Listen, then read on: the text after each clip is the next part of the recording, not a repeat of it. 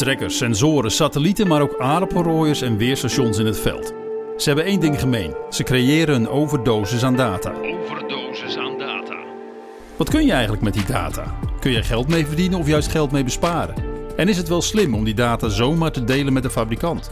Of kun je de data beter zelf opslaan? Beter zelf opslaan. Redacteur Chris Vlaanderen praat met de mensen die al langer met data werken. Dit is Databoeren, een podcast van Megaman. In samenwerking met Stichting Boer en Data. Mijn naam is Robert Nijkamp en ik ben uh, vleeskuikenhouder, melkveehouder in Raalte. Ik ben 48 jaar en uh, getrouwd. En uh, zoals gezegd, ik heb een uh, scharrelvleeskuikenbedrijf en, en een melk, melkvee. Op jouw bedrijf wordt veel data verzameld. Op welke manieren gebeurt dat? Ja, eigenlijk wel heel verschillend. Um, er zijn een heel aantal sensoren, computers um, die data verzamelen. Uh, maar ook platforms waar gegevens op binnenkomen. Van bijvoorbeeld je dierenarts, van uh, verplaatsingen van dieren. Um, maar ook uh, ja, heel veel verschillende apparaten en computers. Zoals sensoren in de stal? Ja, sensoren in de stal. bijvoorbeeld bij de melkrobot. Maar ook de voercomputers. De dierweging heeft een computer. temperatuursensoren. Um, op alle mogelijke manieren. Waarom verzamel jij zoveel data? Het gaat mij niet om de hoeveelheid, maar um, ik ben ervan overtuigd dat met een goede verzameling, dus met het goed uh, combineren van data uit verschillende sensoren, dat je heel veel kunt voorspellen wat uh, de dieren gaan doen, zowel in gezondheid als in productie. En ik denk dat, daar, dat dat echt nog een onontgonnen gebied is en dat we daar nog gigantische stappen kunnen maken uh, in vooruitgang voor welzijn, maar ook vermindering antibiotica gebruik en de houterijomstandigheden. Want hoe gaat dat in zijn werk? Die sensoren die verzamelen, die creëren data. Waar wordt dat opgeslagen? Op dit moment, of eigenlijk traditioneel, is dat in de diverse computers. Die hebben allemaal een logging en een opslag. En in de praktijk bleek dus dat ik eigenlijk, wil ik de data verzamelen, ik ze naar Excel moest kopiëren en dan de grafieken en de uh, resultaten kunnen draaien um, in Excel. Maar dat is heel veel handmatig werk. En um, op dit moment werken we met een, een, een soort van flight recorder. Een, een, apparaat die eigenlijk alle sensoren verzamelt, uh, maar ook data van verschillende platforms uh, binnenhaalt. En daar kun je zelf aangeven wat je wilt zien en nou, waar je mee aan de slag wilt. Wat moet ik me daarbij voorstellen? Klinkt heel spannend, een flight recorder. Nou, ja, nee, is het helemaal niet. Um, uh, kijk, je, komt, je loopt tegen heel veel zaken aan. Um, um, ga je centraal, uh, uh, dus in de cloud opslaan, ga je op bedrijven opslaan. We hebben nu gekozen om toch een basis hoeveelheid gegevens op je bedrijf offline op te slaan. Om te voorkomen op het moment dat je geen internet hebt, dat je, dat je niet met je bedrijf verder kunt en dat je niet de zaken kunt zien die je hebben wil. Um, maar eigenlijk is het niet meer als een, een, een klein uh, logapparaat die alle gegevens verzamelt en via een dashboard gewoon laat zien waar, welke gegevens er binnenkomen. En die slaat hij op. En dan kun je zelf mee aan de slag om bijvoorbeeld grafieken te draaien of gegevens te combineren. Maar is het dan ook zo dat het datacentrum die staat eigenlijk dus hier op het bedrijf? Um, of staat nou ja, dat extern dat, dat, ergens? Uh, uh, um, we kunnen straks ook nog even over de stichting Boer en Data hebben, maar dat zijn wel heel interessante dingen, want er zijn heel veel voor's om het um, op je bedrijf op te slaan. Wat ik net zei in verband met uh, internetuitval, uh, bedrijfszekerheid en, en dat soort functionaliteiten. Van de andere kant, op het moment dat je um, verder wilt om met je gegevens met collega's te gaan vergelijken, dan kan het juist heel zinvol zijn om dat in de cloud te doen en ergens centraal. Dus um, we hebben er nu voor gekozen om aan de, aan de slag te gaan met opslag, voorlopig even op het eigen bedrijf. En het zichtbaar maken gaat via een dashboard, nu nog in de cloud. Um, maar die keuzes, dat zijn wel strategische keuzes waar we over na gaan denken de komende tijd. Hoe we daar precies in gaan kleden als iedereen daarmee aan de slag gaat. In de eerste aflevering sprak ik akkerbouwer Jacob van der Borne. Hij heeft ook een datacentrum op zijn eigen bedrijf. Maar hij zegt, ja, eigenlijk vind ik het helemaal niks. Want ik heb er best wel veel werk aan, veel onderhoud, veel kosten. Ja. Ik sla het liever gewoon ergens op waar ik er geen zorgen voor aan heb. En ik weet zeker dat, er, nou, dat het nog opgeslagen staat op drie andere plekken. Ja, nou, dat, dat is ook een van de, de grote voordelen van centrale opslag. Um, waar, je, waar je wel tegenaan loopt, en, en, uh, want ik, ik ben het helemaal met hem eens, het kost uh, geld, tijd om te onderhouden, uh, onderhoud zelf. Um, maar het probleem is een beetje dat je um, op het moment dat je alles in de cloud opslaat, je zit met een stukje uh, privacygevoeligheid. eh, dat soort zaken. Ja, dat, dat worden lastige zaken. Er komt bij dat wij voor, en dat is ook voor ons ook een strategische keus geweest. Wij beginnen met een systeem waar ehm, ook een aantal sensoren aan hangen die bijvoorbeeld fysieke aanwezigheid in de stal voor bijvoorbeeld bezoekregistratie meten. Daar is een kastje voor nodig. Nou, in dat kastje zit standaard een geheugenopslag. Dus we hebben er gewoon vanuit praktisch oogpunt voor gekozen om het eerst op het bedrijf te doen. En later gaan kijken van inderdaad, hoe gaan we dat aanpakken? En misschien moeten we een basis eh, hoeveelheid data op je bedrijf laten en alles wat je vergelijken wilt met collega's in de cloud, of in ieder geval een mix van gaan vinden. Dus dat is, dat is wel een, een strategische keuze waar we straks naar gaan kijken. U creëert gigantische hoeveelheden data. Die slaat u zelf op. Hoe ordent u dat? Nou, um, alle, op dit moment is het nog zo dat alle computers, alle softwarepakketten en alle portals hebben dus hun eigen opslag. En daarmee moet je dus ook echt zoeken in de structuur van het pakket om te kunnen vinden wat je wil. Lukt dat? Uh, meestal na enig zoekwerk lukt dat. Maar als je dan tussen de verschillende um, computers vergelijkingen wilt maken en dan naar een uniforme um, grafiek of, of, of uitkomst, dat is veel lastiger en dat lukt echt heel vaak niet of heel moeizaam. Dan heb je bijvoorbeeld een sensor die elke twee minuten logt en een sensor die elke drie minuten logt. Zet dat maar eens in een tijdgrafiek uit, die exact gelijk loopt. Nou, dat, dat red je dan niet. En juist het exact gelijk lopen is bijvoorbeeld voor gezondheid van mijn kippen, is dat juist de trigger om te gaan zoeken naar, naar goede uh, dataoplossingen. Nou ja, dat zijn hele lastige zaken. Nou, daar moet je voor naar, één, naar een centrale uh, zeg maar platform toe. U haalde het zelf al aan, boer en data. Is dat, dat is een project die draait. Ja.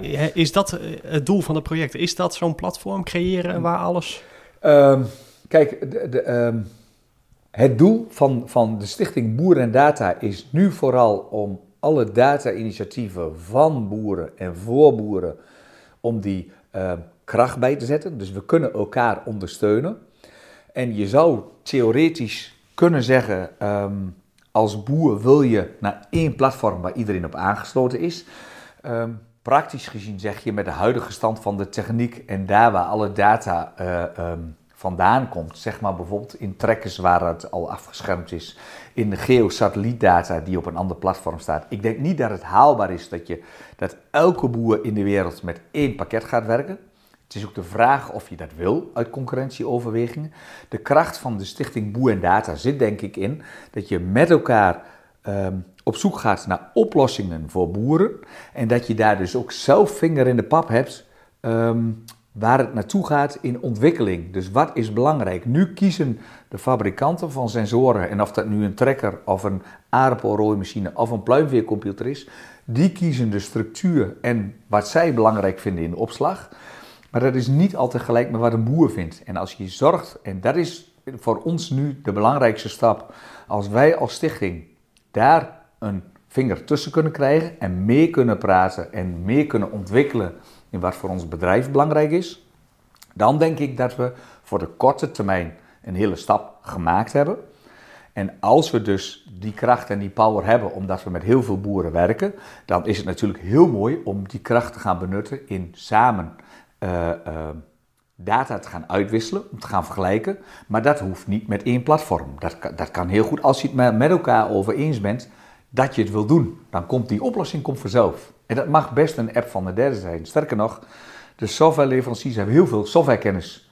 Daar moeten wij niet beter gaan weten. Dus die ontwikkeling, wij moeten kunnen aangeven wat we willen, wat voor ons een stap vooruit is. En als we dat voor elkaar kunnen krijgen, het zij commercieel bij een softwarebedrijf of een fabrikant, het zij in eigen beheer, dan denk ik dat dat het doel moet zijn. En niet het creëren van één platform. Dat is geen doel op zich. Heeft u al een partij in gedachten die, dat, die die taak op zich kan nemen? Ja, ja wat bedoel je? De... Nou, misschien een commercieel bedrijf die jullie Ja, voor dat platform ja. bedoel je? Ja. Um, wij werken op dit moment binnen, uh, nou ja, ons initiatief is Farmersnet. Varkens- en pluimveeboeren die werken aan, aan een, een dataoplossing voor je bedrijf. Daar gaan wij nu, hebben we een pilot gestart met de flight recorder, dus het verzamelen van alle sensoren op een bedrijf. Dat loopt nu, mijn bedrijf is aangesloten. Er zijn een aantal koeienbedrijven die met hetzelfde uh, project eh, met hetzelfde softwarepakket werken, maar dan gericht op de runvee. Dus ook die, daar werken we wel samen met eh, het DMS-verhaal van de koeienboeren. Ehm, eh, maar de, de, eh, het hoeft niet per se één pakket te zijn. Dat- Daar gaat het niet om. De kracht zit hem niet dat je met één pakket werkt. De kracht zit erin dat je het over eens bent dat je gezamenlijk met data aan de slag gaat. En dat kan ook op een andere manier. Ja, want het delen van data, dat is volgens u een must. Nou, kijk, op het moment dat je gaat, data gaat delen, en in mijn geval betekent dat dat ik binnen de vleesketen waar ik in zit, dus met mijn slachterij data gaan delen, dat ik data ontvang van mijn broederij en van het vermeerderingsbedrijf waar de kuikens, waar de eieren vandaan komen, zodat ik weet wat er gezondheidstechnisch gebeurd is, zodat ik weet wat de salmonella-status is, zodat ik kan borgen wat er gebeurd is en hoe het verloop van een stukje vlees, hoe het stukje vlees tot stand gekomen is. Als ik dat kan volgen en je kunt daar eh, met data dat borgen, dan denk ik dat ook de hele sector, de hele keten, daar enorm baat bij heeft. In vermindering van faalkosten, maar ook in de zin van ehm, het ontwikkelen van nieuwe concepten, het borgen van bijvoorbeeld welzijn richting kritische, terecht kritische consumenten, eh, dat soort zaken. Dus ik denk dat daar data echt een oplossing voor is. En dan moet je met elkaar data delen. En dan is het, vind ik het een must dat als je als boer zorgt dat je in ieder geval daarover meepraat, dan kun je ook daar je eigen positie in veiligstellen en zelf bepalen wat je wel en niet wil delen. En als je het aan de markt overlaat, gaat straks een retailer of een slachterij als ketenregisseur bepalen wat jij mag doen als boer en niet, en niet de boer zelf. En dat, dat wil ik voorkomen. Want u zou dus bijvoorbeeld de data ook met de slachterijen willen delen. Ja, de, maar dan wel de data die ik wil delen met mijn slachterij. Dus ik bepaal wat ik deel in samenspraak met mijn slachterij. Het moet geen van boven opgelegd stukje data zijn wat je moet gaan delen. Want wat kan die slachterij met uw data? Ik denk als zij in een vroegtijdig stadium weten wat bijvoorbeeld het actuele gewicht is, en niet drie dagen van tevoren voor, voor slachting, dat zij al beter kunnen plannen in aanvoer, in gewichten, wat kun je verwachten. Dat zij ook richting de retail kunnen zeggen in volumes, exacter wat er gebeurt. En dus, dus op, op- voor hen op kortere termijn eh, eh, betere planning. Dus, eh, dus een, een soepeler hoeveelheid. En op langere termijn heb je een heel stukje ehm, betere voorspelbaarheid en aansturing op het moment dat er marktverschuivingen optreden of nieuwe conceptontwikkelingen moeten gaan plaatsvinden. Dan kun je daar veel sneller in schakelen. Zit daar een verdienmodel achter, voor, vanuit uw oogpunt? Ja, dat zit er zeker. Ehm, als je het als boer bekijkt, als boeren bekijkt en je gaat daar samen sterk in staan, dan zou je richting eigen conceptontwikkeling heel veel kunnen doen. Maar ook in, heel, in het voorkomen van heel veel onnodige verplichtingen die nu vaak opgelegd worden, omdat iemand dat ergens vindt. En dat kan een consumentenorganisatie, dat kan een retailer zijn, maar er wordt heel vaak vanuit angst een regel opgelegd om iets te gaan doen of te voorkomen. Terwijl dat alleen maar gebeurt uit angst eh, en niet vanuit de realiteit of vanuit praktisch oogpunt. Nogmaals, er wordt nooit een boer gevraagd wat hij ervan vindt. Er wordt iets bedacht en dat moet hij dan maar gaan doen. En juist als je dan kunt weerleggen van jongens, zo staat het ervoor, dit doen wij.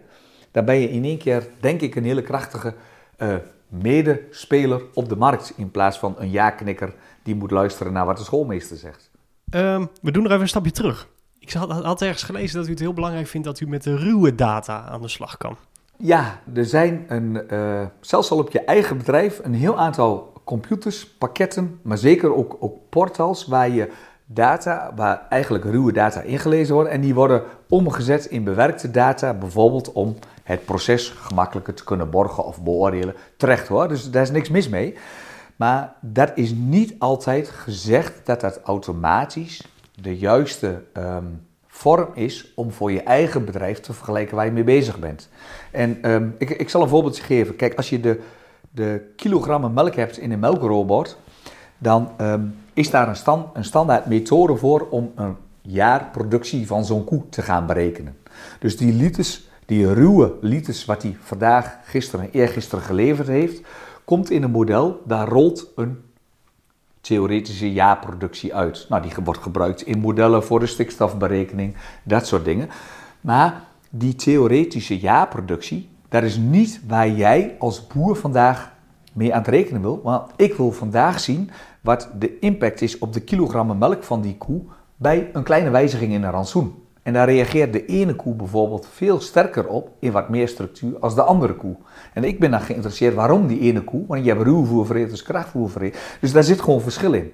En dan heb je alleen heel erg veel baat bij die ruwe data. En die moet je soms echt zoeken als je die al vinden kunt in een pakket.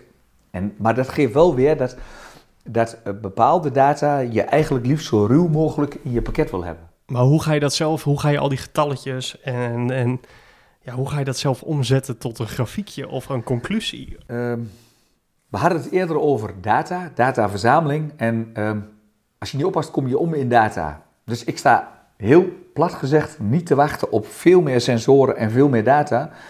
Maar ik ben ervan overtuigd dat de, eh, het slim en juist combineren van de data die je nu hebt, dat je daar een gigantische sprong mee vooruit kunt maken. En dan moet je dat vooral zien in ehm, dat je eigenlijk maar een beperkt aantal data nodig bent om de actuele situatie van vandaag te kunnen zien. En daarmee heb je niet je hele bedrijf onder controle, maar heb je wel de verandering ten opzichte van gisteren. Dus zit ik nog op de goede lijn of dreig ik over een week een beetje af te glijden, omdat, je, omdat er ergens een weersinvloed is of dat het, de, de kwaliteit van voer toch iets anders zegt als dat ene monster wat je gebruikt als, als de basis. Um, dat je die kunt vangen met een paar ruwe data op je bedrijf en dat je daar s morgens een grafiekje of een melding van hebt en dat je zegt, hé, hey, ik zit op dat punt goed. Maar uiteraard blijft de boer de manager die het hele bedrijf moet overzien. Maar zeker uh, bij koeien en bij kippen, varkens, dus de dierlijke takken richting gezondheid, kun je heel veel al doen als je de juiste data van nu combineert. Dat is een mooie tip om mee af te sluiten. Ja, nou, ik, ik laat het daarbij. Dank u wel. Graag gedaan. Je luisterde naar Databoeren, een podcast van Megaman in samenwerking met Stichting Boer en Data. Wil je meer weten? Kijk op megaman.nl. En wil je nog meer podcasts horen? Luister dan naar de podcast In Productie, waarin we de productie van een diesel-elektrische trekker volgen. Je vindt de serie in jouw favoriete podcast-app.